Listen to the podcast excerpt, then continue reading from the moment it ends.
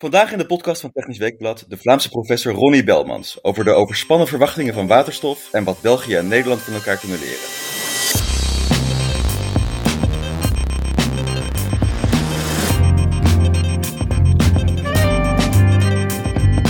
Welkom, mijn naam is Gerald Schut. Ik spreek met Ronnie Belmans, een van de eminentste energie-experts van onze zuiderburen. Hij gaat met, binnenkort met emeritaat als professor van de KU Leuven, was tot 1 juni CEO van onderzoekscentrum Energyville en jarenlang president-commissaris van ELIA, het Belgische Tennet. Professor Belmans, u vindt dat de uh, Nederlandse verwachtingen van waterstof overspannen zijn. Uh, kunt u dat toelichten? Wel, ik uh, lees aandachtig wat in Nederland gebeurt. Ik uh, volg heel goed ook via de Benelux-samenwerking wat er allemaal op stapel staat. En men spreekt daar over uh, 4 gigawatt groene waterstof. Wel, ik zie niet in waar men daar de stroom gaat voor vandaan halen. Want de groene stroom zou veel beter in één keer gebruikt worden voor elektrische voertuigen, voor warmtepompen en voor het vergroenen van het huidige verbruik. En niet vergooid worden, sorry mij voor het woord, om daar waterstof van te maken en die dan te gaan opbranden in woningen of in voertuigen. Men moet first things first. Eerst de elektrificatie en de vergroening van het huidige elektriciteitsverbruik. Dan de zaken die makkelijk elektrificeerbaar zijn, dat zijn elektrische voertuigen en warmtepompen. En dan wat er nog zou overblijven aan groene stroom, en dat is niks, gaan gebruiken voor waterstof te maken. Dit is ook wat de thermodynamica zegt en dit is ook wat de System Integration communicatie van de EU zegt. Ja, de waterstofladder eigenlijk. Ja, de waterstofladder. Dat is de pure thermodynamica. Die klopt ook economisch. Als men bij manier van spreken wind op zee gaat gebruiken om er eerst waterstof van te maken, die waterstof in een waterstofvoertuig te zetten en daar dus mee gaan rijden, dan heb je drie maal meer wind nodig voor 100 kilometer te rijden dan dat je het elektrisch doet. Dit is eigenlijk onzin. Ja, trouwjournalist Vincent Dekker die noemde het onlangs in een stuk een klimaatmisdrijf. Vindt u dat een passende term? Oh, ik weet niet graag over misdrijven. Als ik dat ga, daarmee had willen bezighouden, had ik uh, juridische studies gedaan. Ik ben maar een arme ingenieur. Dit, dit is geen misdrijf, maar het is gewoon dom. En dat ben ik niet gewoon van de Noorderburen. Gewoonlijk zijn die slimmer in ideeën dan dat, dat dikwijls in België gebeurt. Dank u wel voor dat compliment. Waar zit de denkfout? De denkfout zit heel eenvoudig in het feit dat men eigenlijk koste wat kost wil aantonen dat waterstof voor alles goed is. Waterstof is belangrijk, zonder meer. Waterstof is belangrijk voor de vergroening van de industrie. Waterstof is belangrijk voor het aanmaken van synthetische brandstoffen om mee te vliegen en mee te varen. Maar we moeten eerst de vergroening doen, elektrificeren van alles wat we kunnen elektrificeren en dan zien wat er overblijft. Ik, ik gebruik eerder de term van uh, Liebreich, die ook wel bekend is, van, mm -hmm. van Bloomberg, die, die waterstof hopium noemt. Ja. Oké, iets waar je naar streeft dat plezant is en heel een boel en waar je blijft op hopen. En dit is, de waterstofmensen moeten de mentale eerlijkheid krijgen om te zeggen van waterstof kan alles, maar kan waterstof alles het beste? Nee, waterstof kan bepaalde dingen het beste en die moet het ook uitvoeren. Maar elektrificatie moet je eerst uitvoeren omdat het met minder kosten meer CO2-reductie brengt. Op de lange termijn hebben we sowieso hoeveelheden, ook redelijk grote hoeveelheden waterstof nodig. Wat moeten we er nu dan wel mee doen? Welke investeringen zijn nu wel verstandig? Wat kunnen we doen? Oké, okay, we moeten zo vlug mogelijk de vergroening doen van de stroom zo snel mogelijk. We hebben daar een berekening voor gedaan samen met de Florence School of Regulation. En daar komt uit dat voor 20 40, 20, 45 we eigenlijk geen groene stroom op overschot hebben voor de dingen te doen die we moeten doen. Ja, op Europees niveau, hè? Op Europees niveau. Hè? Voor, voor, voor Nederland en België is het nog erger. We zijn nog beperkter in het oppervlak. Zeker, zeker België is helemaal dramatisch. We hebben 69 kilometer kust. Dat kunt u zich niet voorstellen. Hè? Mm-hmm. Maar zelfs Nederland komt er niet. En Nederland is ook maar een land in Europa. Die stroom die daar binnenkomt, die, kunnen, die kan ook beter gebruikt worden voor de vergroening. En Nederland kan die rustig verkopen aan verdere, aan verdere landen. Die gaan daar wel rustig voor betalen. Daar gaat het niet over. Ja. Dus, maar Europa breed komen we er niet. Dus we moeten die waterstof op een andere manier decarboniseren. Enfin, koolstofneutraal maken. Hoe kunnen we dat doen? De eerste stap zou kunnen zijn door die CO2 op te vangen en als blauwe waterstof. Dan hebben we al 90% kwijt. Dat is toch al een hele stap. Er zijn nog andere mogelijkheden, pyrolyse, uh, fotokatalyse, waar we dan koolstof uitkomen. Of vergroenen door waterstof of zijn afgeleide producten te gaan importeren. We hebben alle Mhm. twee fantastische havens. En je zou kunnen de, de, de ammoniak die we, nu gaan, die we nu produceren vanuit koolwaterstoffen gaan invoeren vanuit Oman, Saoedi-Arabië en ze daar gaan maken met groene stroom. Dit is veel goedkoper, omdat daar de groene stroom goedkoper is. En ten tweede, daar is nog ruimte. Die groene stroom kan je daar niet gebruiken voor elektrificatie. Dus, en op die manier er gaan mee werken. Bijvoorbeeld zo ook die, uh, als we de CO2 hier opvangen en we transporteren die naar die landen, kunnen we daar ook uh, e-diesel mee maken, e-kerosene, en die terug gaan importeren. Of bijvoorbeeld methanol. En je krijgt dan een aantal basismoleculen binnen, waarbij je de groene stroom hier niet cannibaliseert, maar die groene stroom gaat gebruiken op plaatsen waar hij voorhanden is en voor niks anders kan gebruikt worden. Ja, dus u zegt import van groene waterstof ja, blauwe waterstof uh, ja, en groene waterstof hier nog lang niet. Nog lang niet en, en waarschijnlijk nooit niet commercieel concurrentieel met de, met de geïmporteerde groene waterstof of groene waterstofderivaten.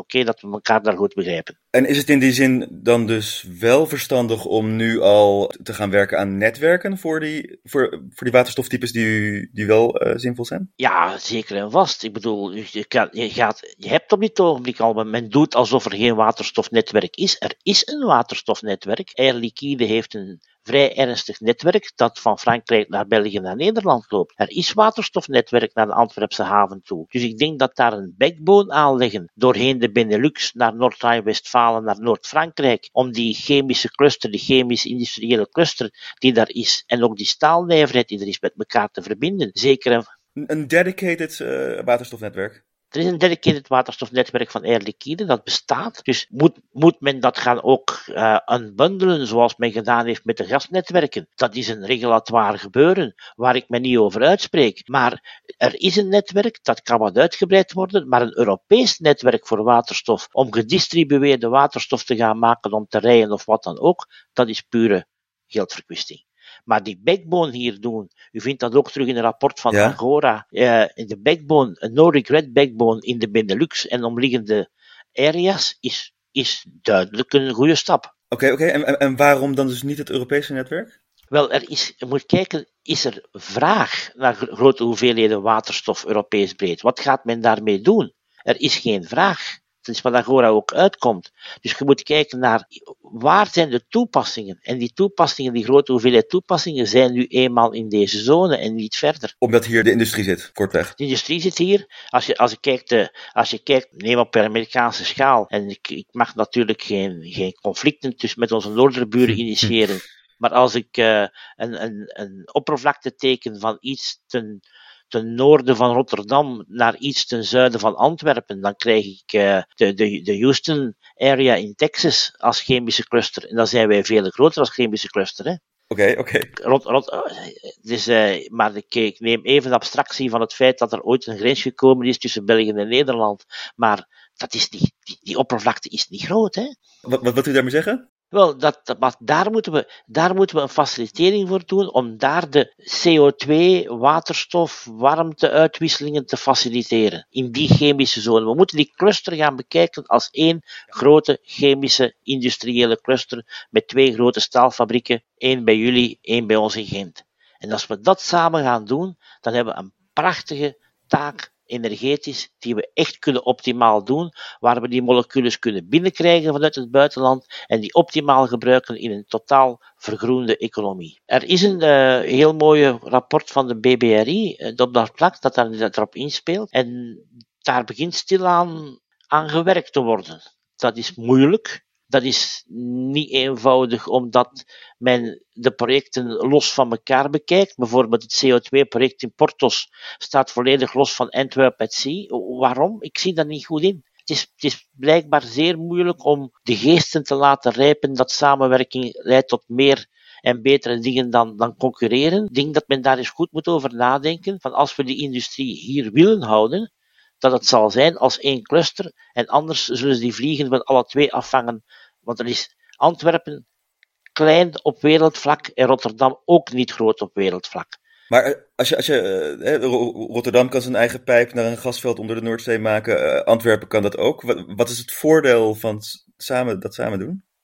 Wel, als je bijvoorbeeld in Antwerpen heb je toch een aantal, heb je wat meer echte, quote-unquote, de chemie, chemie. Uh, Rotterdam is meer petrochemie, ook alle petroleumhavens. Die twee zijn eigenlijk complementair voor een groot stuk. Je hebt, in Rotterdam heb je die mogelijkheid gemakkelijker om die CO2 te exporteren. Vanuit Antwerpen is dat een stuk lastiger. Antwerpen heeft meer uh, basischemie, die, die, veel, die, die veel meer ammoniak nodig heeft en dergelijke meer. Dus er is een heel grote complementariteit tussen die twee.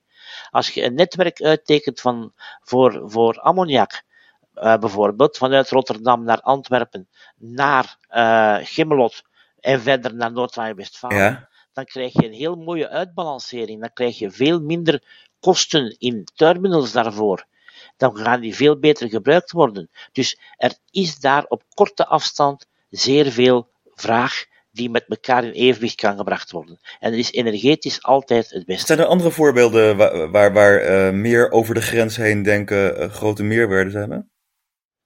Wel, ik, eh, ik, ik, lees vandaag in de krant in België dat de BASF-fabriek uh, in Antwerpen een stuk van een van de windmolenparken in Nederland 50% aandeel genomen heeft in een windmolenpark in Zuid-Holland, offshore windmolenpark duidelijk. Daar moet natuurlijk ook de netwerken op aangepast worden. Dat die wind geproduceerd wordt en gekocht, geproduceerd wordt op een offshore windmolenpark in Nederland en gebruikt wordt in Antwerpen door BASF. Contractueel is dat heel rap getekend. Maar er moet ook de nodige capaciteit voor gebouwd worden om dat samen te brengen. Men moet dat, dat Benelux elektriciteitsnetwerk echt gaan uitbouwen als één netwerk. En dat zal samenwerking vragen tussen die netbeheerders. En ook, en ook tussen die regeringen. U was president-commissaris bij, bij Elia. Ja. En Elia heeft een heel stuk eh, netwerk in Oost-Duitsland gekocht. In het oosten van, even, even, even politiek correct, het oosten van Duitsland. Oké. maar het is wel hetzelfde, toch? ja, ja, maar, Oost-Duitsland geeft nog een connotatie ah, van, een vroegere, van vroegere DDR. Ja, ja, nee, nee, ik bedoel geen communistische. nee, nee.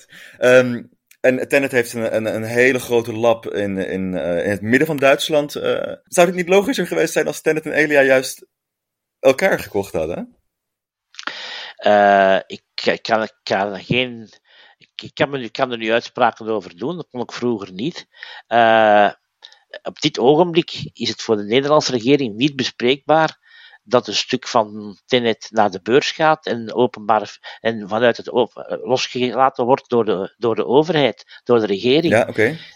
Dus zodra als uh, de Nederlandse regering een stuk van haar uh, assets, haar landelijke assets, wil vrijmaken voor openbaar kapitaal, voor, voor publiek kapitaal, ja, Denk, ik, denk dat dat sneller gebeurd zou zijn dan u zou denken. Okay. Maar zodra, zolang het een staatsbedrijf is, is het natuurlijk zeer moeilijk. En andersom dan? Ik denk dat, ja, kan, kan natuurlijk moeilijk, kan natuurlijk moeilijk uh, pleiten voor een vernederlandsing door de, door de Nederlandse staat het laten opkopen van het hoogspanningsnet van België.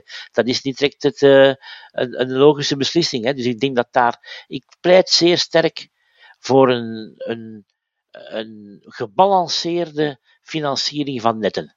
Waar een stuk overheid in zit en een stuk publiek. Omdat dat ook veel meer aanvaardbaar wordt voor, voor nieuwe investeringen. Dan zijn de meesten dichterbij betrokken. Een beursgang heeft heel wat mogelijkheden om de burger meer te betrekken bij het geheel. Je ziet dat ook in windmolenparken. Als je de mensen meer laat investeren in windmolenparken, dan is de, de aanvaardbaarheid mhm. veel groter. Dus ik denk dat dat. En die twee, die, Elia en Tenet, we beseffen dat niet, hè? maar wij beheersen dus samen de volledige Noordzeekust tot aan Denemarken. Hè? Uh, ja. Ja, dat is enorm. het is enorm, dat besef, maar beseffen wij dus niet. Hè? Ah, helemaal tot in de Baltische Zee, of tot in de Oostzee bedoelt u? Ja, ja. ja. Dus, dus dit gaat, dit gaat door de, de Nederlandse wadden voorbij. Dan mhm. krijg je eerst een stuk Tenet en dan nog een stuk Elia. Hè? Ja. Dus wij hebben daar een, eh, een, een asset die niemand zich beseft. En dat vind ik jammer. Oké, oké. Wat, wat, wat, wat, wat zou dat besef teweeg moeten brengen dan? Och, misschien moet ik eens komen pleiten bij de, bij de Nederlandse uh, TSO, uh, om dat nog eens een keer duidelijk te maken. Als, als goede oude brombeer uh, op emeritaat, zonder, zonder, enige, zonder enige echte ja, vested interest, zoals men zegt in het Engels. En dan op dat, ogenblik is duidelijk maken van, jongens, pak dat toch samen aan. Ik zie, Nederland gaat de Doggerbank ontwikkelen. Waarom moet Nederland dat doen? Laat ons dat samen doen. Dat zal veel meer aanvaardbaar zijn. Als ik kijk naar uh, de, de, zaken komen toe in Nederland. Overdorie. Maar eigenlijk ligt dat verbruik in Frankrijk. Hoe gaan we dat doen? Ja, dan moet er België. Oei, dat is nu, dat is nu pech. Dus dit gaat niet lukken op die manier. Als we, als we die, want want je, hebt, je hebt niet alleen die ontwikkeling in zee, maar dat landnet moet daaraan aangepast worden. En dat moeten we samen doen. Op welke manier is hier samen, zou die samenwerking dan vorm moeten krijgen? Wel, bijvoorbeeld gezamenlijke investeringen offshore. Er, er, moet een net gebouwd worden offshore. Waarom, waarom gaat Tenet naar buiten van wij gaan dat doen? Nee, laten we daar samen, een, het is nooit maken we samen een, een, een, een, common company om, om dat te doen. En te zeggen van kijk, wij, wij maken dit voor Europa waar. Wat, wat is Europa voor ons? Verdorie, we hebben het grootste deel van Duitsland in handen. En we gaan ervoor. De, er, is, er is in Duitsland geen millimeter kust dat niet in handen is van de Benelux. Een ander aspect van die uh, enorme infrastructuur die nodig gaat zijn, uh, is uh, mogelijk verzet van mensen tegen al die nieuwe oogspanningen. Hoe moeten we daarover denken? Wel, dit is een zeer moeilijke zaak. En ik vind het altijd zeer, zeer fantastisch. Je gaat, ik ga dikwijls praten voor een groep en dan zeggen ze, die energietransitie, dat moet er komen en dergelijke meer. En iedereen gaat betogen in Brussel voor de vergroening van de gaseconomie. En de week daarna zie je diezelfde mensen in een actiecomité tegen een hoogspanningslijn die voorbij komt en windturbines die naast hun liggen. Want dat kan evengoed ergens anders. Dit is echt iets waar de politici een enorme taak hebben van dat geheel aan de mensen uit te leggen. Ik heb ooit, ik was toen uh, voorzitter van uh, de Raad van Commissarissen van Elia en een interview in de Standaard ben ik op de eerste, dat is de, onze lokale kwaliteitskrant, heb ik er, uh, ben ik erin geslaagd de eerste pagina te halen met een uitspraak van voor elke windmolen offshore komt er een hoogspanningslijn, komt er een hoogspanningspaal in het binnenland.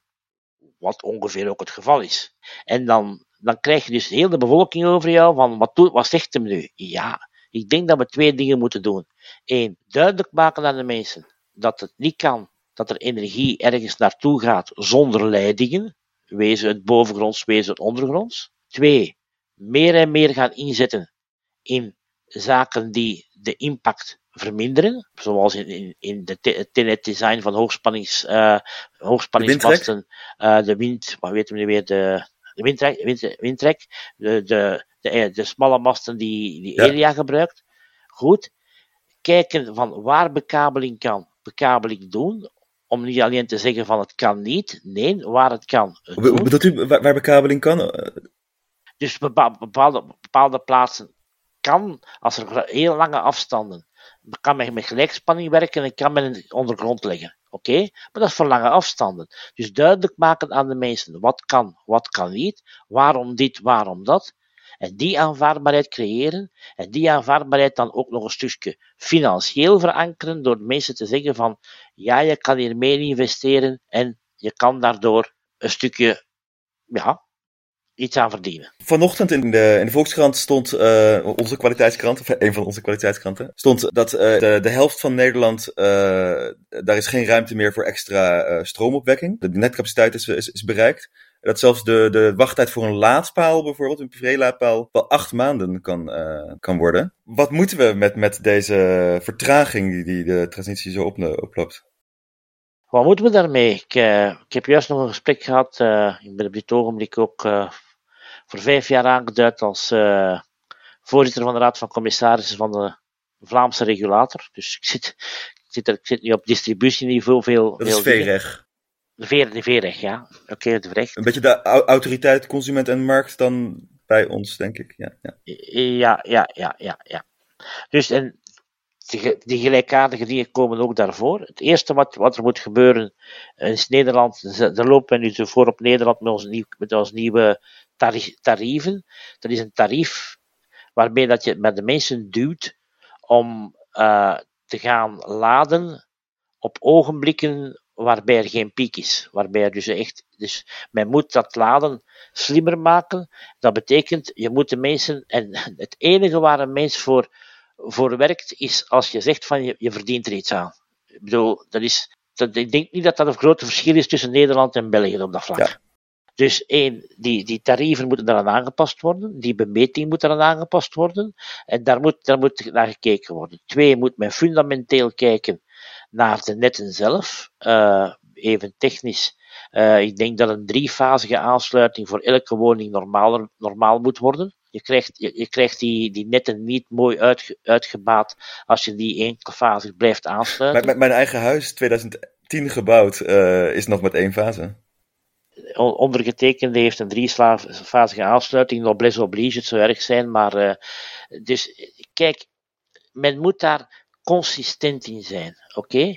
En het is nog te veel, uh, en het is geen verwijt, er is ook een stuk, ja, het samenspel tussen kostenreductie en wat dan ook, maar men moet, men moet durven zeggen tegen 2030 hebben we, zullen we de helft van de auto's elektrisch hier rondrijden en dan terug kijken en zeggen van hoe krijgen we dat gedaan. Dus we moeten ervan uitgaan, tegen 2030 zijn die elektrische auto's daar, hoe moet dat net eruit zien om dat te doen? En we moeten geen, andere moeten geen enkele investering meer doen die dat niet in zijn achterhoofd heeft. En ik vind, u zegt nu ook, er zijn aansluitingen, mensen die een aansluiting geweigerd worden voor elektrisch voertuig. Wat doet men dan? Men fixt dat op die plaats in plaats, in plaats van die straat in één keer te zeggen van jongens, hier staan twintig huizen, die alle twintig dat toch wel gaan doen, dus dit en tien jaar, leg dat in één keer toe. Doet, doet in één keer fatsoenlijk werk. En dat gebeurt nog veel te weinig. Er is geen, en ik, ik zie dat zowel bij, bij, bij Alliander als bij Stedin of wat dan ook, het is altijd nog, oei, er is een probleem, we lossen dat probleem. Een bruggetje, uh eh, de auto's die tegenwoordig verkocht worden, die zijn nog niet uh, in staat tot bidirectioneel laden. Terwijl dat nou, een heel belangrijk onderdeel zou, wordt van de elektrische auto ook gebruiken in een positieve zin om, om voor netstabiliteit, et cetera. Twee jaar geleden was de, de NGO Transport and Environment, geloof ik, die riep op eigenlijk om um, elektrische auto's zonder bidirectioneel laadprotocol gewoon de verkoop daarvan te verbieden? Och, uh, ik, ik ben tegen verbieden. Oké, ik, ben, ik, ben, ik, ben, ik ben van 1956 van geboorte, dus ik heb nog het begin meegemaakt van de grote revolutie van 68. Uh, dat het okay, verboden okay. was om te verbieden. Dus uh, dat was een verbod om, om, om te verbieden. Dus dat is op zichzelf een contradictie in terminis. Dus laten we daarmee beginnen. Maar een tweede punt is van, mm, ik zal het niet doen. Ik denk dat we beter zijn met zo snel mogelijk elektrische voertuigen te gaan uitrollen. En uh, ik zou een incentive proberen in te bouwen voor uh, in tarieven en, en in contracten voor mensen die kunnen terugleveren. Oké, okay? en, en ik, zou, ik, ik hou eerder van de wortel dan van, van de maar, stok. Maar, maar, die kunnen terugleveren. De, de, als je nu dus een auto koopt, die kan dat niet. Die kan, er, er beginnen stilaan uh, types te komen, zoals een, uh, een Nissan, de, de Leaf en, en dergelijke meer, die dat kunnen. En, maar geef die mensen ook een contract waarmee dat ze iets kunnen verdienen. Het zit nu een beetje op het woord verbieden, en dat had ik misschien niet, uh, niet hoeven gebruiken. Maar de, de Europese Unie stelt ook eisen aan energieefficiëntie van apparaten. dus waarom zou je niet gewoon zo'n protocol vereisen? Kijk, als je, als je een, aan, als je een voordeel geeft aan mensen die dat doen. Oké? En dan zal je die constructeurs die dat nog niet ingevoerd hebben, heel snel dat zien implementeren. Als er een vraag naar is, implementeren die dat. Zie wat er gebeurd is bij Volkswagen. Volkswagen heeft jaren de elektrische auto afgehouden. Oké? Er komt daar een idioot uit Amerika met een Tesla. Ze zien daar de mensen van, hal, dat, dat slaat aan. Twee, dat spoort met de, met de, met de policy op lange termijn. Drie, op vijf jaar tijd kiepert de mastodont zijn roer om en verkoopt op dit ogenblik meer elektrische Volkswagens dan, dan Tesla verkoopt. Dus die, die industrie is veel sneller dan welke besluitvorming ook die, die in het parlement Maar ook, ook juist door de, de, de emissienormen van de Europese Unie voor auto's. Tuurlijk, maar men, heeft, men, men verbiedt de verbrandingsmotor niet. Hè? Nee, nee, nee. Maar, maar uh, als je de normen maar, maar, maar, maar streng genoeg maakt, dan komt het op hetzelfde neer.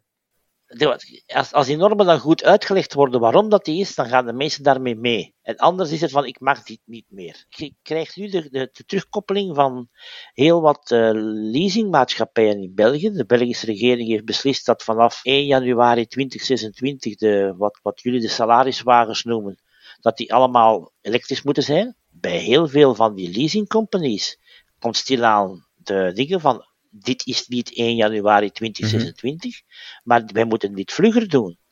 Want als wij in 2023, 2024 nog een salariswagen leveren, een diesel aan iemand, en vier jaar daarna wordt die teruggebracht, vanuit lease, wat is die dan nog waard? Dus men begint te anticiperen daarop. En dat is hetgeen dat we moeten doen. De industrie anticipeert op politieke beslissingen. Ook al zijn die twee, drie jaar verder. Dat is heel eigenaardig. Men, men denkt soms, nee, neem de kolen uitstappen uit Duitsland. Hij gaat sneller dat de politiek beslist, hè? Dat is altijd hetzelfde. Maar is dat ook niet een, een, een, een toevalligheid in verband met schaliegas? Nee, nee. Nee, die, die, die hebben, oké, het is beslist, jongens, oké, dan moet dat afgeschreven worden, we pakken dat weg, dan is dat gedaan. Oké, die, die, die productie van die dieselwagens, we hebben er een tijd getrokken, goed, er is duidelijk geen vraag meer naar, in plaats van nog te rekken, nee, stop. Ja, dit is altijd leuk om te zien. En elke keer in mijn nu 40 jaar carrière heb ik dat gezien, dat die industrie eens dat die beslissing door de politiek genomen is, en die is geïmplementeerd binnen vijf jaar, is het resultaat vlugger dan die vijf jaar. Die wachten niet tot op het einde. Oké, nou dat is, dat is een hoopvolle gedachte. Mag ik een andere vraag stellen? Wat kan Nederland van België leren op het gebied van de energietransitie? Dat is een. Uh, ik denk, terug even naar, naar, naar, naar Elia en ook naar, naar Fluxis, dat privékapitaal aantrekken in netwerken niet slecht is. Oké? Dat, is, dat is iets Beschouw die netwerken niet als een pure staatsomgeving. Dat heeft zijn beperkingen. De interactie daar tussen privékapitaal en staatskapitaal heeft daar grote voordelen. Binnen in firma's geeft dat een andere visie op de dingen. Dat is, dat is een positieve ding. Twee, en ik, ik ben niet tegen nucleaire energie, maar pas op, een nucleaire discussie remt af. Is, is, is iets nucleair neemt zoveel tijd in beslag dat veel andere ontwikkelingen zeer zwaar afremt. Zowel in de uitstap als in de instap. Ik verklaar mij nader. Wij hebben 10 jaar, 15 jaar geen energiepolitiek gehad, omdat wij een stop-and-go hadden met het uitstappen uit de nucleaire centrale. Ja, precies, omdat het openhouden maar boven de markt bleef hangen. Ja, oké. En als jullie nu hetzelfde gaan doen, met er zouden wel eens een keer nucleaire centrales kunnen komen, maar wie gaat wel de gekheid doen om dat hier ook te bouwen? Dat zal niet gebeuren.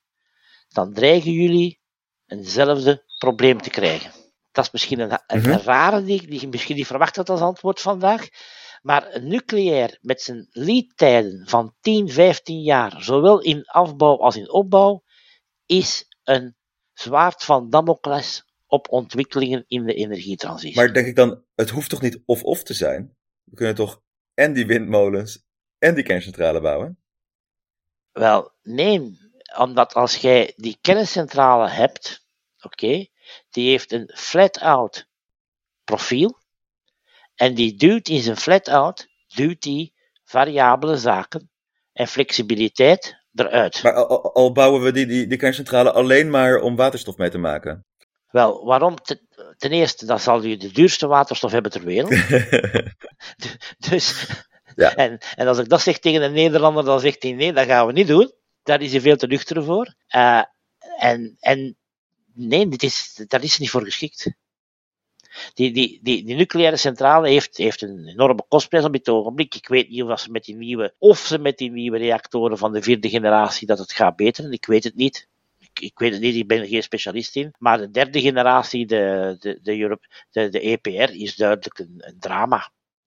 Uh, Flamanville, uh, de Finse, Hinkley Point, als je kijkt wat daar aan kosten aan zijn, dit is niet, niet competitief, punt. En vooral, als je die bekijkt, 13, 14 jaar, gaat je 13, 14 jaar de ontwikkelingen, ja, vragen stellen. Gaat iemand zeggen, wanneer ga ik een windmolenpark zetten dat toch een levensduur heeft van 20, 30 jaar? Weten dat misschien de laatste 10, 15 jaar ik uh, een stuk van de tijd niet zal, dat ik er geld kan mee verdienen, dat de afschrijving gebeurd is, dat daar een kerncentrale staat die bij de helft van de tijd uit de, uit de markt drukt. Dat is, de dossiers zijn niet los van elkaar te koppelen. Nogmaals, ik spreek me niet uit over veiligheid, ik spreek me niet ik spreek me puur uit over systeemtechnische zaken. Misschien even bij de kerncentrales blijven. In 2022 en 2025 gaan de eerste twee en dan vijf gaan, gaan ze allemaal dicht in België. Wat betekent dat? Nou, stap voor stap. We hebben 2022, dat is dan doel 2, sorry, doel 3 en Tiange 2. De, de scheurtjesreactoren. Dat zijn degenen met uh, waterstofvlokken in hun kern, in de volksmond beter ge, gekend als de scheurtjesreactoren. Maar ik, uh, ik mag ze als, als wetenschapper zo niet noemen, want dat is, dat is een delicaat, delicaat bewoording. Mm -hmm. Maar dus die twee, die gaan dicht. Oké, okay? uh, die gaan dicht omdat de operator ook gezegd heeft dat ze dicht doet. Dat is gemakkelijk, dat is gemakkelijk. Ten tweede, ik denk niet dat er één politicus daar zijn ja, die gaat dicht, punt. nek gaat voor uitsteken om, om daar de bevolking te overtuigen dat die toch wel veilig zouden zijn. En ik bedoel, dat is, dat, dat, dat is water under the bridge in mooi Engels. Ja. Dan heb je de 2025. Het, als je de, het oorspronkelijk besluit neemt, had je 40 jaar levensduur. Maar in 2015 heeft men doel 1, doel 2 twee kleintjes in Antwerpen en Tiange 1. Dat zijn ook de, de oudste. Uh, ongeveer een kopie daarvan is. Gaan die vijf, hebben die, zijn die tien jaar extra gekregen en komen die nu, de oudste, want die gingen in 2015 dichtgaan, maar die gaan nu ook dicht in 2025. Dat die, die verlenging daarvan is een, een, een domme, een heel domme zaak geweest. Want dat is, dan hadden we daar, dan had daar wel de markt kunnen op reageren om daar uh, iets aan te doen. En nu komt dat allemaal samen die gaan ook dicht. Die, die technologie is voorbijgestreefd. Dat is geen kwestie van veiligheid, maar die, die, die, die zijn economisch niet meer rendabel. Punt aan de lijn. Zelfs niet in, in marginale kost. En dan heb je doel 4 en Tihange 3. Daar gaat het eigenlijk over.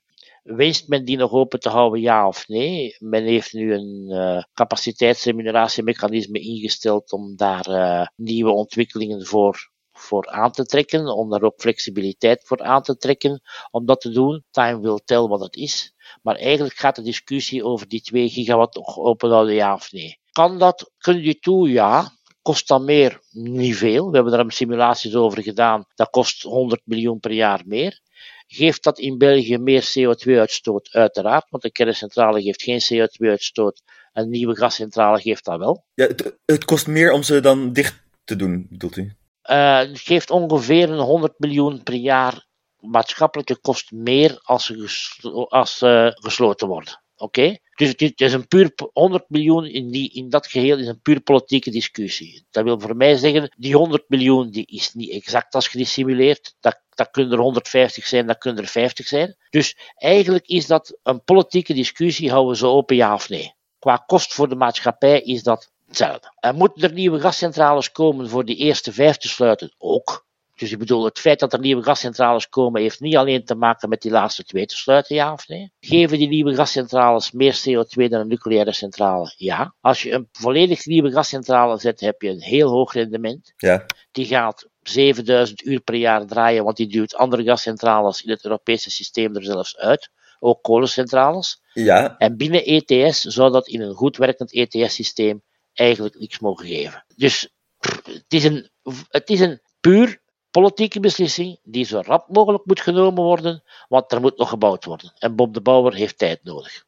En wie gaat die bouwen? Want we hebben een beperkte uh, bruikbare levensduur. Ik bedoel, een, een, een beleidsmatige levensduur. Wat is die, dat is niet waar, hè? Oké, okay, ja. Uh, waarom ze een beperkte levensduur hebben. Als ik nu kijk, die gaan een andere gebruikstijd tegemoet. Omdat ze als achtervang gebruikt gaan worden. Als we, als we berekeningen doen nu, komen we uit in die simulaties dat die 7000 uur per jaar gaan draaien. Tot 2030. Daarna gaat dat naar beneden. Ja. Gaat het naar een 3000 uur per jaar. Oké? Okay? En dan moeten die op een bepaald ogenblik moeten die gaan overgaan naar een echt piekgebeuren. Dan gaat waarschijnlijk dat stoomgedeelte eraf en krijg je enkel de gasturbine. En dan ga je daar op een of andere manier moleculen moeten inflikkeren. Wezen het i-methaan dat je invoert van ergens, of wezen het misschien waterstof, alhoewel het dan moeilijk is om waterstof te branden in een gasturbine, dat is niet eenvoudig. Is, is dat wel mogelijk? Alles is mogelijk. Ik bedoel, technisch gezien kan dat. Je kan waterstof, je kan waterstof in een, in, een, in een aangepaste gasturbine. Hoeveel het dat kost om die aan te passen,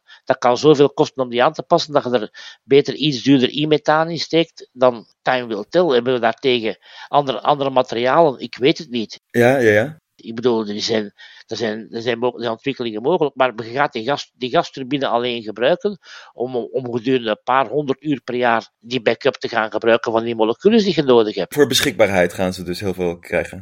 Ja, die, die, die gaan nog gebruikt worden. Gaan die dan veel geld verdienen in megawattuur? Nee. Die gaan veel geld verdienen door er te zijn dat zal dezelfde asset zijn, maar die zal helemaal niet meer op dezelfde manier gebruikt worden. Misschien een analogie. Uh, u noemde ergens wat er op het telecomgebied gebeurd is met overgaan van betalen per sms en per belminuut naar een bundel. Dat gaan we met energie ook krijgen. Dus je gaat per vermogen eigenlijk uh, betalen. Ja, je gaat, je gaat, je gaat, je gaat betalen per, per, per capaciteit. Hè? Dus ik bedoel, ik, ik betaal omwille van het feit dat ik een bepaalde service krijg. Ja. Oké?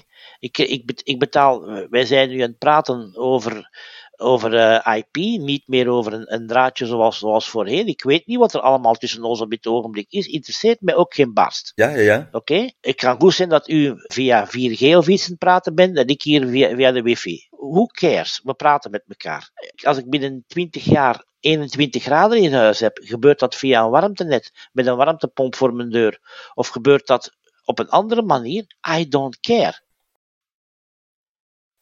En iemand anders zal er moeten voor zorgen. En als, wat zal een, een leverancier van die diensten, die zal moeten zorgen dat hij op een of andere manier toegang heeft tot assets die ervoor zorgen dat hij de diensten kan leveren aan u en misschien mij in 2050, dat weet ik niet, om die dingen te doen bij mij en bij u thuis die moeten gebeuren en voor de industrie ook. Wat, wat is het voordeel van zo'n tariefstructuur? Wel, ontzorging van de klant en aansporen van degene die die service levert om dat zo economisch mogelijk te doen. En hem niet, en hem niet, aan, te, en hem niet aan te sturen op basis van heel gedetailleerde zaken. Het blijft mij gelijk hoe dat hij dat doet. Hij moet gewoon zorgen dat dat tegen 2050 koolstofneutraal is, dat dat betrouwbaar is om een diensten te kunnen leveren en dat hij die diensten kan leveren tegen een zo een prijs die de gek er wil voor betalen, ja, en waarbij dat hij zo weinig mogelijk kosten heeft. dus dan ook een beschikbaarheidsbetaling. Ja. En dat is natuurlijk niet, dat is een heel andere denkpatroon, maar ik, ik, ik begrijp de leeftijd dat ik, als ik uh, met het, mijn toenmalige, nu noemen ze dat vriendin, wij noemen dat toen een lief, als ik daarmee belde, dan moesten wij betalen per seconde. Met een ticketteller. Ja, ja, en dat, betekent, dat betekende dus ook, vermits dat zij iets verder weg woonde, was dat een niet aangrenzende telefoonzone. Ja. En dat was twee keer zoveel als mijn vriend, wiens lief om het hoekje woonde. Dat was voor mij een heel hap uit mijn budget, een studentenbudget. Ja, ik, hoorde u dat zeggen. iedere energietransitie heeft voor een hoger niveau van welzijn en welvaart uh, gezorgd. Vond ik een hoopvolle gedachte. En dit is hetgeen dat we.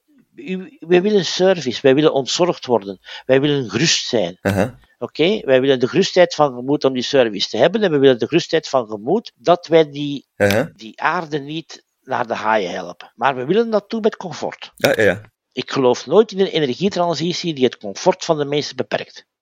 Dat gaat niet genomen worden. We moeten, we moeten ervoor zorgen dat die energietransitie meer comfort levert. Ja, maar als, als, ik, als ik kijk, allez, neem een stoomtrein, dat, was, dat, dat is nostalgisch natuurlijk, maar dat is wel vies en vuil, hè? Als dat ding voorbij komt. De daaropvolgende dieseltreinen en elektrische treinen, die waren veel properder. Hè? Als, ik nu, als ik nu morgen allemaal elektrisch rij in een stad, qua geluid, qua fijn stof, qua geur, om, om als we ooit terug op een terrasje mogen gaan zitten, is het toch veel fijner. Als ik rondwandel en ik krijg enkel verwarming met uh, warmtepompen, dan is toch veel, gewoon veel fijner. Die warmtepompen maakt het, op welke manier maakt het uit? Je hebt juist een beetje meer, meer lawaai. Wel, als, als, als ik heel, heel, heel, heel veel mensen uh, liggen de laatste tijd te stoken met uh, houtpellets en heel de boel. Ja, ja, oké. Okay. Ja, hey, dit is niet aangenaam wandelen in mistige omstandigheden hoor. Nee, nee, nee dat, dat ruik je. Dus, dus al, al, elke energietransitie heeft het comfort van de mensen verbeterd. En deze gaat dat ook doen. Nog, nog even terug naar dat, uh, dat beschikbaarheidstarief. Uh, dat, dat, betalen voor een bundel. Dat wilde ik eigenlijk vragen. staat dat niet ehm, op gespannen voet met energiebesparing? Ik ga, ik ga het misschien cru stellen. Is energiebesparing in een totaal. Nee, in een, in een totaal koolstofneutrale omgeving. Oké? Ja, ja, die, die, die, die, die, die, ik doe met de meest efficiënte manier. Oké, dus niet met naast waterstofkant enzovoort, maar met een minimale kost. Want ik drijf die minimale kost, drijf ik economisch vooruit. Als ik morgen in mijn tuin, als ik morgen zonnepanelen op mijn dak leg, en ik leg 10 kilowatt, en ik zet een warmtepomp in mijn tuin en een zwembad, uh -huh. doe ik iets fout? Nou, het is zonde van de dakruimte. ja, maar het is mijn dak, hè? Ja, ja goed, maar, maar vanuit de, ja, ik, ik, de, de, ruimte, ruimte is schaars, dus daar... Maar goed, maar, maar dus, op een bepaald ogenblik zijn we er, oké? En is, is, is iedereen voorzien van. Dus onze, onze ganse energievoorziening ja. is carbon neutral. Ja, precies. Maar dat, dat is dus in, in, in 2050 als, ja, als, okay. uh, als we hopelijk als het too cheap to meter geworden is, zeg ja. maar. Dus als ik dat dan doe, mag ik mijn comfort niet verhogen? Mag ik mijn... Waar... En, en, en, en ik denk dat we beseffen... Het is, we, dat is nog heel ver weg dus. Ja, dat is nog heel ver weg. Het is een doordenken van... En, en als, je, als je daar nu al toe overgaat, naar die dienst, die dienstverlening, gaat je de mensen meenemen. Je, als, je, gaat, je gaat, als je de mensen moet laten nadenken daarover, de mensen willen daar niet over nadenken. Ik neem mij een bundel die volkomen carbon neutral is. Oké? Okay? Dan moet ik mij daar geen zorgen meer over maken of ik die groene stroom nu koop of wat dan ook. Dat is in orde. Ja, ja, ja. En ik ga, ik, die, die mensen gaan daarvoor in, moeten investeren. Dat betekent dat de bundel die carbon neutral is, die gaan daarachter investeringen doen. Want anders kunnen ze mij die bundel niet aanbieden. En zijn ze mij kwijt als klant. Ja, ja, ja. Ik, ik vind het een leuk idee. Maar ik denk, weegt dat voordeel van uh, hè, dat comfort. En weegt dat op tegen het uh, enorme nadeel van uh, een veel hogere energievraag. die we ons eigenlijk helemaal niet kunnen veroorloven? Die energievraag gaat niet veel hoger zijn, hè? die gaat zelfs lager zijn. Als ik kijk naar uh, energievraag, als ik kijk naar gereden kilometers, uh, per 100 kilometer dat ik rijd elektrisch of dat ik uh, rijd met petroleum, heb ik een derde van de energievraag. Hè? Ja, ja, ja, voor dat deel omdat je een andere energiebron gaat gebruiken. Maar dat geldt natuurlijk niet voor het, het verbruik van de extra apparaten die u gaat kopen. En... Kijk, ik, nogmaals, een mens levert niet in op zijn comfort. Oké, okay? daar, daar moet je van over dat krijg je me niet, me niet gemaakt. Oké? Ik ga ervan uit dat de meesten dezelfde comfort willen. Dus als jij kijkt als in die energieservice dienst, zit ook het, het efficiënt zijn van uw apparaten in. Oké, dat is een stuk, want anders moet hij veel te veel doen voor die dienst aan te bieden. Hij, ah. hij biedt u, hij, hij biedt, ja. de persoon in kwestie biedt u de dienst aan van uw biertje bij 4 graden Celsius uit, uit, uit de ijskast te kunnen halen. Ja, ja precies. Dus de, de, het energiebedrijf gaat ook mijn koelkast en mijn televisie leveren. Ja, of, of komen checken of wat dan ook. Maar dus dit bedoel, ze gaan, ze gaan hun bundel aanpassen aan als jij een, een Tesla Model, Model X hebt. Of ik, ik heb een uh, Renault Zoe, dan gaat de bundel per, de, per, kilometer rijden u iets meer kosten dan de mijne. Oké, okay, omdat je een groter vermogen. Ja. ja. Dat zijn, dat, zijn, dat zijn geen standaardcontracten, dat is, dat is zoals een verzekeringscontract. Dat hangt ook af van wat er in uw woning staat. Oké, oké. Okay, okay. um, ja, zullen we nog even um, naar de vraag: wat kan van België van Nederland leren? Uh, wat België van Nederland kan leren is dat jullie veel sneller inpikken op opportuniteiten. Oké? Okay? Wij zijn veel meer analytisch en terughoudend. Wij en als ik het zeer, zeer eigenaardig vind overkomen, een Nederlander, als men dat tegen zegt van uh, we gaan waterstof subsidiëren vanuit Europa, dan gaan jullie met vlag en wimpel erachter. Wij zullen zeggen van, dat is allemaal wel, wel, wel, nodig en goed en heel de boel. En wat, wat zit daarbij komend achter en heel de boel. En, en ik denk dat we wat meer, in België wat meer enthousiasme voor de dingen zouden moeten hebben. Maar niet zo ver gaan dat we achteraf altijd onszelf tegenkomen. En dat gebeurt dan weer in Nederland. Ja, bijvoorbeeld? Als ik, als ik kijk wat... Uh, ah, dat is, als, je, als je kijkt, de, de ganse, in, in het begin, de, de ganse liberalisering, die is in Nederland met veel grote vlag en wimpel en, met alle, en toch met een aantal negatieve gevolgen naar boven gekomen. En hier is dat veel te traag gegaan, met ook wel gevolgen van dien. Ik, soms denk ik dat we elkaar een heel mooi evenwicht zouden kunnen geven. Uh, dat is, dat is, dat is, jullie lijken veel nuchterder, maar zijn dat veel minder dan je denkt. En wij, en wij denken dat we grote feestvierders zijn, maar zijn dat veel minder. En ik, dat is ook iets dat je, dat je heel duidelijk ziet bij het Europees voetbalkampioenschap. Jullie vieren al voor je kampioen bent, en wij denken dat we nooit kampioen gaan worden. Ja, grappig. Um, wat, wat, uh, wat ziet u als een uh, belangrijk misverstand uh, in de energietransitie? Wat een, belangrijk misverstand is dat men denkt dat er silver bullets zijn en dat men dat ook verkoopt. Oké? Als je het, en dit is heel lastig. Als je spreekt met mensen van het nucleaire, dan zegt men, het komt in orde met het nucleaire, want we hebben Generation 4 en dat komt in orde en is alles opgelost. Trust us, binnen 25 jaar is in orde.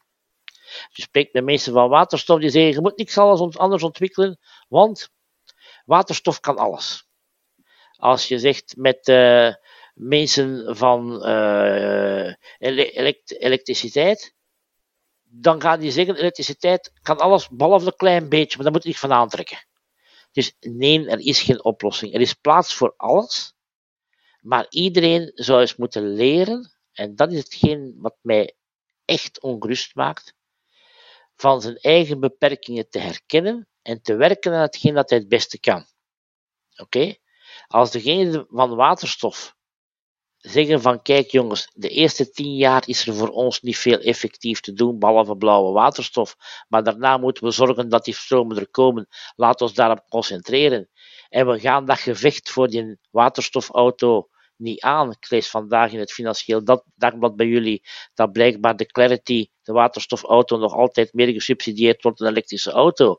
Ja, dat is onzin als je zegt met, met elektriciteit van, ja, maar uh, die, die mensen met waterstof, die moeten daar niet voorin doen, want misschien dat we binnen 15 jaar weer elektrische oplossingen hebben. Dus moeten daar nu niet aan beginnen. Nee, doe eens een keer voort met wat je kunt. Elektrische auto's, warmtepompen en dergelijke meer.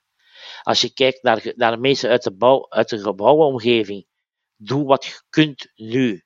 En, zeg, en wacht niet op het oneindige. Dat is bij mij het grote gevaar. En het grote gevaar is silo's en geen systeemdenken. En dat is, ja, wij, het feit dat iets alles kan of iets alles denkt te kunnen, is niet belangrijk. Wie kan wat nu? Wat kunnen we bereiken tegen 2030? Hoe geraken we daar? En hoe krijgen we de mensen mee door aan te geven dat het comfortabel, dat het geen vingertje is, dat het geen, je, mag niet meer vliegen is, of je mag niet meer dit doen, of je mag niet meer dat doen, maar dat we daar kunnen geraken op een sociaal aanvaardbare, goede wijze naar een nieuwe omgeving die veel prettiger is. En, en dit gaan we niet bereiken door elkaar te bevechten met technologieën om te zeggen van de andere is slecht.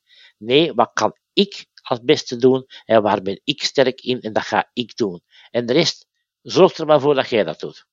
Ja, ik vind het een mooi beeld. Uh, geen stokpaardjes, iedereen zijn best doen. Wat gaat u zelf doen als u met uh, emeritaat bent? Uh, ik heb me nog gevraagd op Energyville nog wat te helpen. Met de nieuwe CEO wat dingen. En, ook de modellering van grote energiesystemen verder die de meest wat te begeleiden. Een dagje of twee per week. En dan ga ik waarschijnlijk wel wat tijd kunnen doorbrengen in Firenze op de Florence School of Regulation, waar ik zo wat de technische elementen van regulering, van, van wat is technisch mogelijk, wat is technisch niet mogelijk, zoals we met waterstof en elektriciteit nu gedaan hebben, het gevecht voor, voor de elektronen tussen moleculen, dus, dus dat soort zaken, dat soort papers van mee bekijken met een aantal oude, oude vrienden daar, Michel, Jean-Michel Glachan en dergelijke meer, om eens rustig na te denken over dat energiesysteem van de toekomst. Die twee dingen, dat, uh, dat lijkt dan en geen vergaderingen meer, geen meetings meer van directiecomité, geen meetings meer met uh, administratie, geen papieren winkel meer.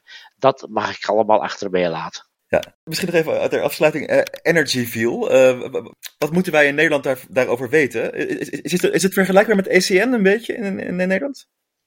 Wel, ja, ja, ja. Behalve dat wij doen wat in Nederland wat in Vlaanderen lang niet gelukt is, waar ik wel in, in persoonlijk heel fier over ben. Ik heb dus twee universiteiten gekoppeld met ECN-achtige dingen. Je zou Vito kunnen vergelijken met ECN. IMEC is ook in Nederland bekend, maar het energiegedeelte daarvan. Dus twee onderzoeksinstellingen. Hun energieonderzoek ja.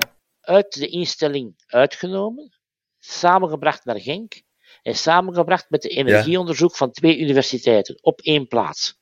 Ja. Alsof als dat, dat je de TU Eindhoven zou zeggen, uw energieafdeling komt ergens, zeg maar eens, ter hoogte van, ja. ah, tussen, ergens halfweg tussen Utrecht en Arnhem. En ECN verhuist je ook naar daar. Ja. En je zet die samen in één gebouw. Uh -huh. Zodanig dat je die, dat fundamenteel onderzoek op één plaats krijgt met dat toegepast onderzoek.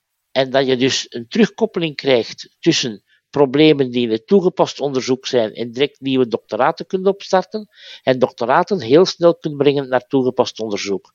En dat het niet meer is van de universiteit zegt van alles is opgelost en de ECN en TNO-achtigen zeggen van nee, dat is veel te moeilijk in de praktijk, maar dat je die mensen echt samen laat denken van het basis fundamenteel gebeuren tot het quasi-industrieel gebeuren op één plaats.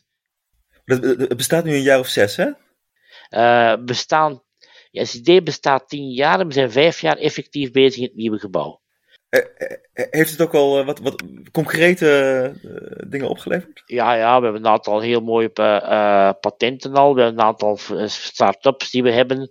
Op Europees vlak zitten we in de top 5 van het gebeuren. Dit is, en wat ook zeer mooi is, het is op een oude koolmijn. Er is nu ook een volledig opleidingscentrum voor techniekers en technici in warmtepompen, PV enzovoort, dat dat ook dat mee op is. Dat doen wij train de trainer.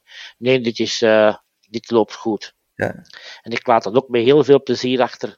Uh, achter, dus half achterlaat, zoals ik u gezegd heb. En uh, om u het aan te tonen dat we open zijn van geest. De nieuwe CEO is een Nederlander. Ah, wat leuk, wat leuk. Gerrit-Jan Schaefer. Oké, dat wist ik niet. Leuk. Gerrit-Jan Schaefer. Het is, uh, Gerrit-Jan Schaefer heeft vroeger nog voor Vito gewerkt. En is heeft dan vijf jaar een eigen bedrijf gehad. En neemt het nu terug, terug over. Dus wij zijn echt, wij proberen echt en we hopen ook dat, dat we daar kunnen toe komen. Dat we in dat geheel minstens echt eens kunnen kijken hoe dat we die, we, wij zeggen we deliver science policy input. We geven geen advies. Oké, okay, we geven aan de policymakers van bedrijven, van de regering en de meer input voor hun denkproces. En eigenlijk zouden we dat moeten kunnen doen, minstens Benelux en nog breder. Omdat die vraagstukken toch allemaal zo zijn. En laten we daar eens samen zitten, daar kunnen we nog heel veel aan doen. Ja, toch valt mij altijd op dat uh, de debatten over energie nogal in gescheiden werelden plaatsvinden tussen Nederland en België. Of, of, of zie ik dat verkeerd? Ja. Dit is dom, oké? Okay? Dit is, ja, dit, dat, is, dat, is, dat, is, dat is zo, maar dat is dom. En dat is, dat is, ik weet ook niet waarom. Uh, en en, en de, de, ik vind het altijd heel leuk. Als je dan de, de minister-presidenten samenbrengt, dan zeggen die, wij willen een Benelux-samenwerking. Hoera! En dan ga je naar hen toe en je zegt van, oké, neem nu eens een keer dat alle onderzoeksbudgetten op energievlak, dat je zegt van minstens 15% van dat geld gaat naar Vlaanderen slash naar Nederland. Oké? Okay? En je krijgt dat geld maar als je daar echt. Maar je krijgt het geld van Vlaanderen als Nederlander. En je krijgt dat geld maar als je samenwerkt en de dingen studies doet die over te zeggen. Als je. Put your money where your mouth is. Als de politiek dat echt beslist, dat er gelden over de grenzen gaan, Ja. dan hebben ze iets gedaan. Ja. Wij moeten nu zorgen, we, hebben, we zijn gelukt, we hebben een project voor het bestuderen van ammoniak-energiestromen in Nederland, België, Noord-Rijn-Westfalen Ja, ja, ja, ja. bij de GEMA. We hebben alle drie apart TNO, Energyville en de GEMA bij onze eigen regering moeten gaan aankloppen. En het is nu gelukt dat we alle drie een onderzoeksproject gekregen hebben. Want anders konden we niet samenwerken. Daar moet, nee, voor die samenwerking zouden de regeringen moeten een pot apart zetten, waar dus echt gezegd wordt, dit geld gaat, kan enkel gaan naar samenwerking. Ja, laten we inderdaad eh, meer over de grenzen kijken en eh, meer samenwerken. Ik, ik wens u een, eh, heel veel geluk tijdens uw emerit- emeritatie. Dank u. Luisteraars thuis, als u er iets van vindt, dan horen wij dat graag via redactie.tw.nl of via Twitter. Graag gedaan. Bedankt. Tot ziens.